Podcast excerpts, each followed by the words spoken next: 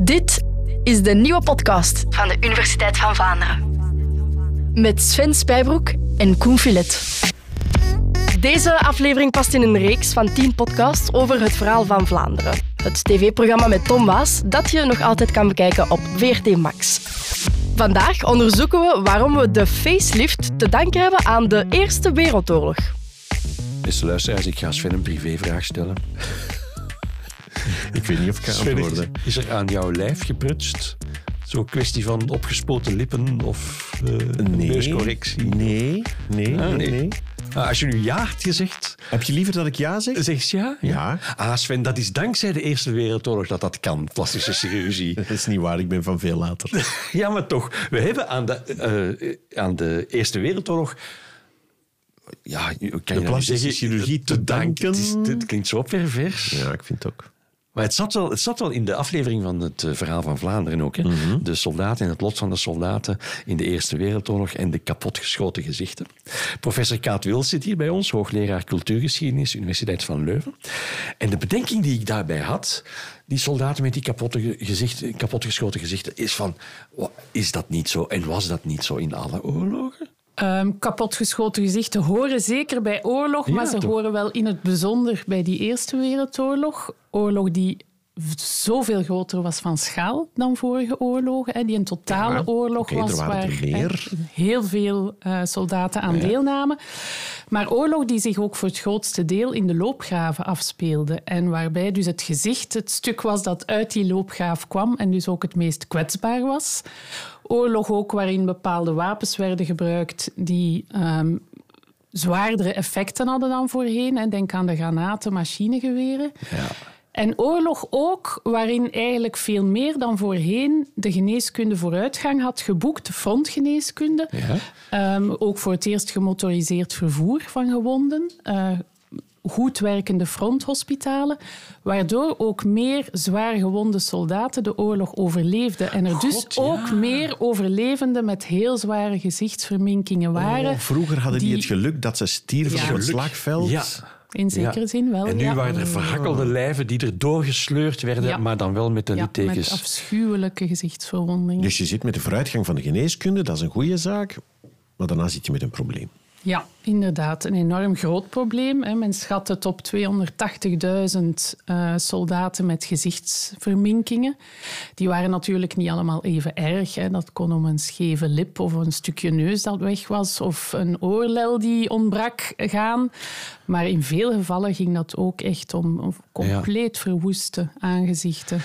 En als je aan eh, oorlogsinvaliden denkt, dan denk je aan soldaten die terugkomen met een, een arm minder of met een Op been. krukken. Ja, ja. Ja. zoiets in die stijl. Maar je denkt niet in de eerste plaats aan die gezichtsverwondingen. Ja, dat klopt. En dat heeft ook wel te maken met het feit dat men eigenlijk al tijdens de oorlog en ook in de jaren daarna de overheden heel erg hebben ingezet op de rehabilitatie, de revalidatie en professionele heroriëntering van die fysiek verminkten, maar dus vooral de soldaten die een arm of een been tekort hadden. Ja?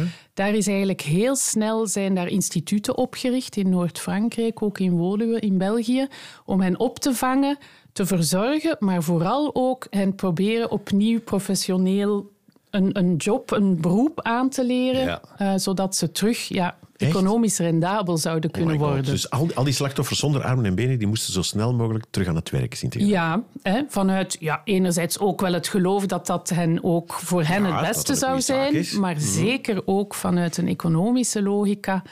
Er waren werkkrachten nodig. Ja, we Ehm, hebben geen sociale zekerheid om die allemaal te inderdaad, verzorgen. inderdaad. En dus zij werden eigenlijk... En, en dat heeft ook voor een stuk eh, eigenlijk die, die eh, visuele beeldvorming mee Ja. bepaald. Hè. Het, het beeld dat ook door overheden is gecreëerd van de oorlogsslachtoffers, waar eigenlijk veel sympathie voor bestond. Hoe zien die eruit? Die ja, lopen op krukken. dat waren Eigenlijk, mannen die op kwam- ja. lopen. En dus die beelden waren heel aanwezig in de naoorlogse samenleving. En wil dat dan zeggen dat in die instituten in Woluwe en, en in, op andere plekken in dat, dat mensen met een gezichtsverminking daar niet terecht konden? Ik denk dat zij daar veel minder terecht kwamen. Dus je omdat, moest uw plan dan maar trekken. Uh, in, in veel gevallen wel. En men weet bijvoorbeeld dat heel wat uh, mensen met gezichtsverwondingen, als die niet te erg waren, bijvoorbeeld opnieuw in de landbouw terecht zijn gekomen. En op plaatsen waar ze eigenlijk geen te grote publieke functie hadden, waar ze in relatieve teruggetrokkenheid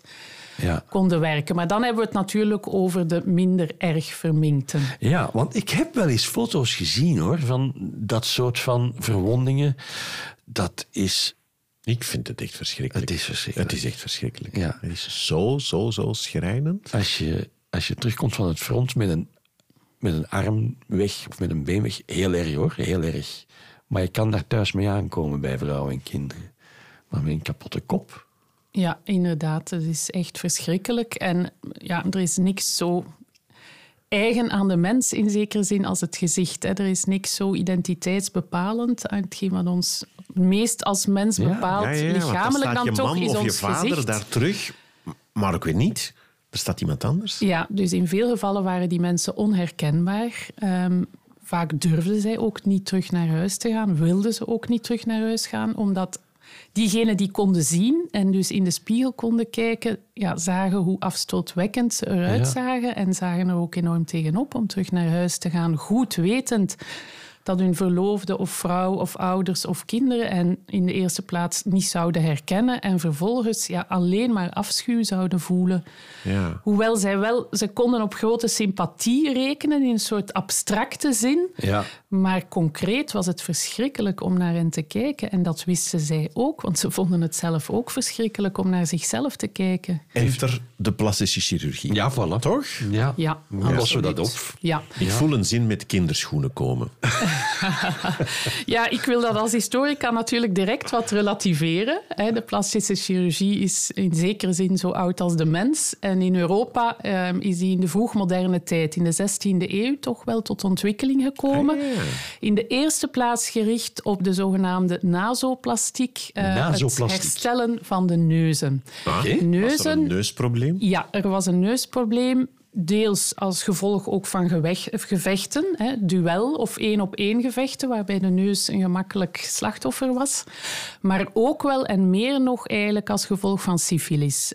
Um, hè, syfilis is een heel erg verspreide...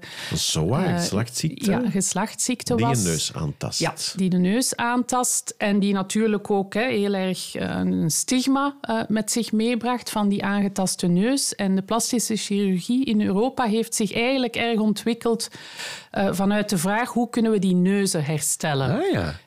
Um, je kon bij een chirurgijn om een nieuwe neus gaan. Ja, inderdaad. was dat dan een echte ehm, neus van vlees en bloed of een, of een neusprothese? Of? Um, dat kon een neusprothese zijn die aan een soort bril werd uh, verbonden. Een beetje zoals we in de uitzending ook hebben gezien. Ja, zoals je um, vandaag nog in de carnavalswinkel kan kopen. Ja, ja. maar dat kon ook een, een getransplanteerde neus zijn. Hè. Een klassiek procedé dat men in de 16, vanaf de 16e eeuw gebruikte, is eigenlijk om een stuk huid vanuit de bovenarm te gebruiken om op de neus uh, te plaatsen. Maar dat was ingewikkeld omdat men dan eigenlijk een lapje huid vanuit die arm gebruikte, maar die moest zo lang mogelijk aan die arm bevestigd blijven en werd dan dus aan de neus verbonden, wat heel ongemakkelijk was. De neus werd aan de arm genaaid en vice versa? Voor een tijd, hè. En dan na een en tijd kon men ja, eens... Een of twee, drie ja. met die arm aan je neus. Ja, dus dat was niet bepaald gemakkelijk. Zo, ja, Sven. Maar dit is toch wel om het idee een beetje te doorbreken. Ja, Ik zou verwachten dat dat soort huidtransplantaties en zo... En om, om... Veel later komt, ja. Nee. Dat dat in de Eerste Wereldoorlog wordt. Maar dat nee. bestond nee, dus al. Okay, bestond al. De Amerikaanse burgeroorlog is ook belangrijk Wanneer geweest. Wanneer zitten we dan? Uh, eind 19e ja? eeuw. Um, in de ontwikkeling van ook de plastische chirurgie. Ook ja, veel, uh, ook veel slachtoffers. Ja. ja.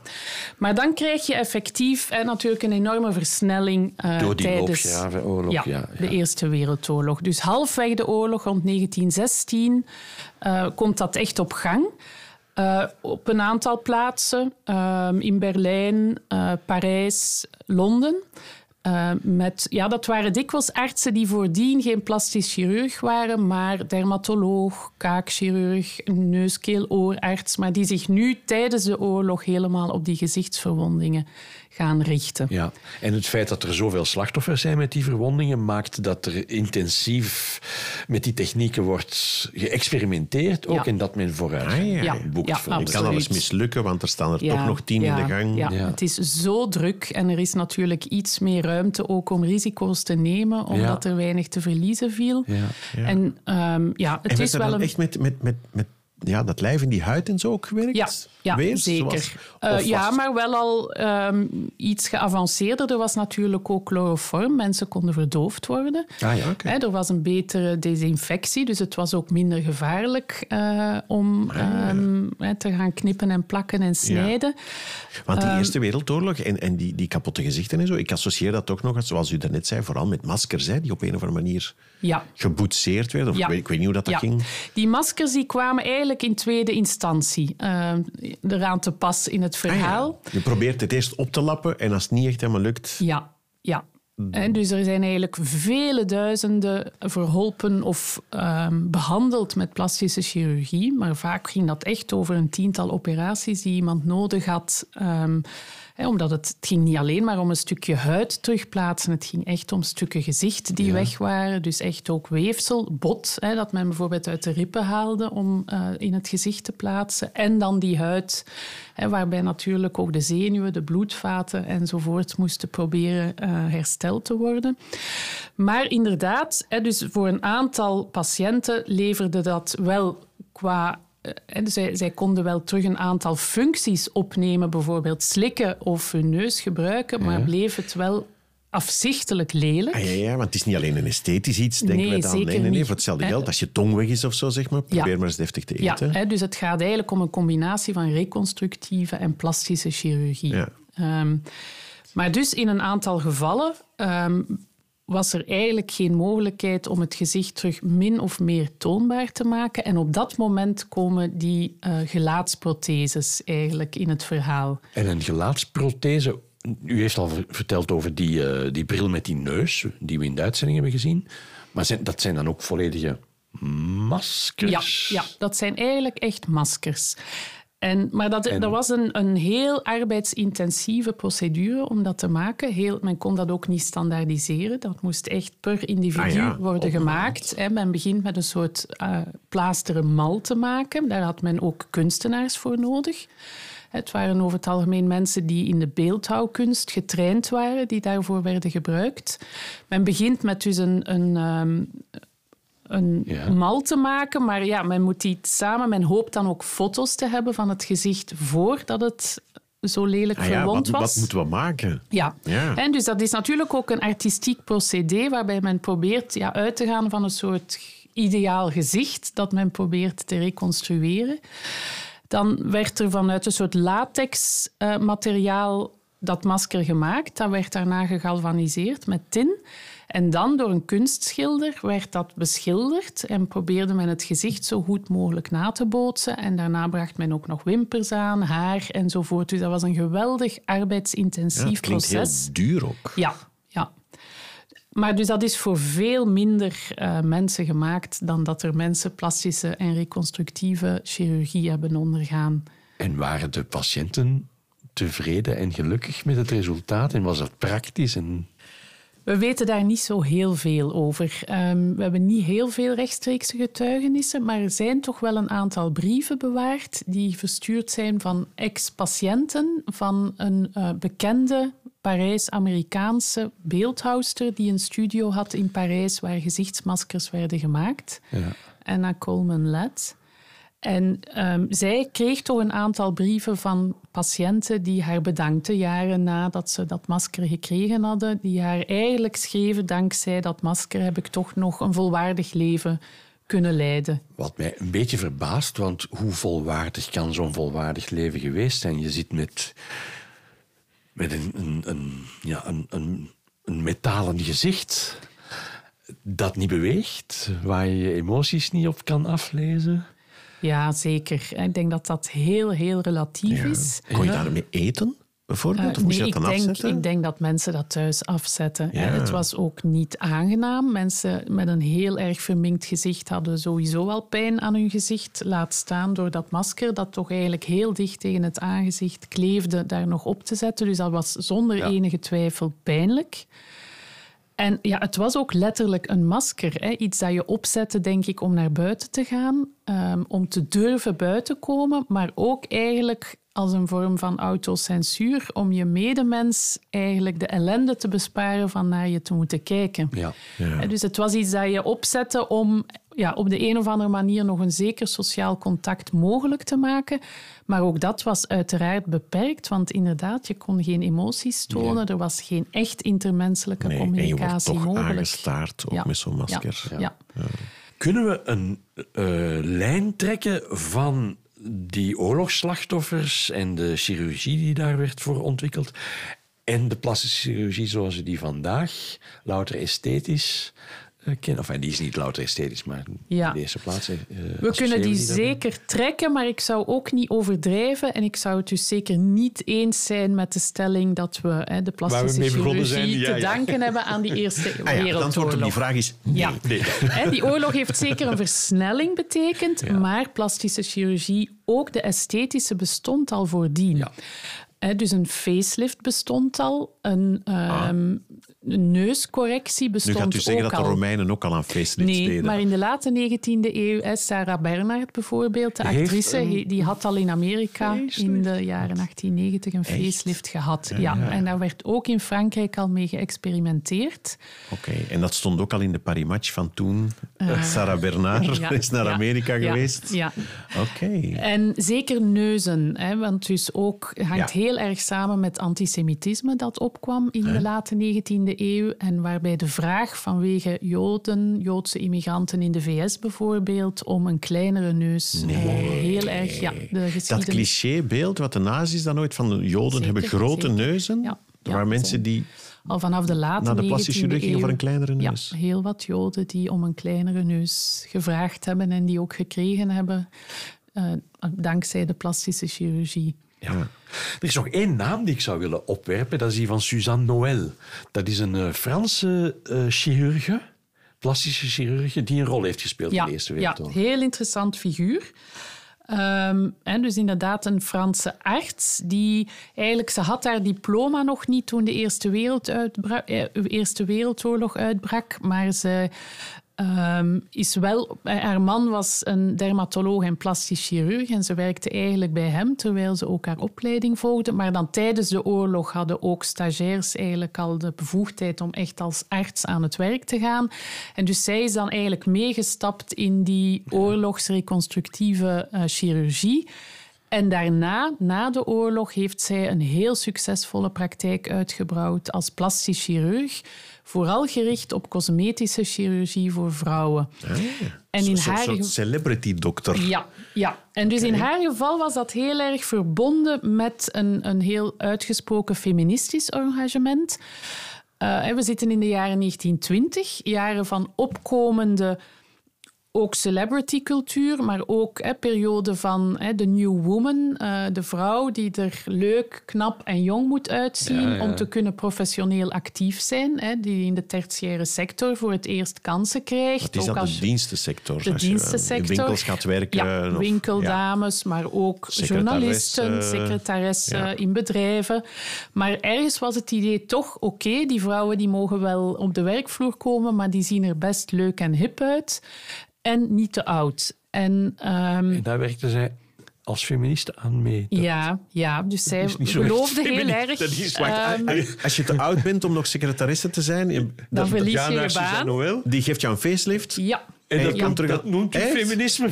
Nee, ik noem dat geen feminisme. Zij Zij noemde noemde dat dat. Ah, ja. feminisme. Wow. Ehm, Hoe brei je dat aan elkaar? Ja, het, dat was, zij, zij vond dat ze zich in diensten stelde van het meest strijden voor de onafhankelijkheid van de vrouw, ook de economische onafhankelijkheid. Ah, ja, en als ja. mensen hun Met- job verliezen omdat ze er te oud uitzien, Dan fixen we dat gewoon. Ja, ja, Met de beste bedoeling. ja.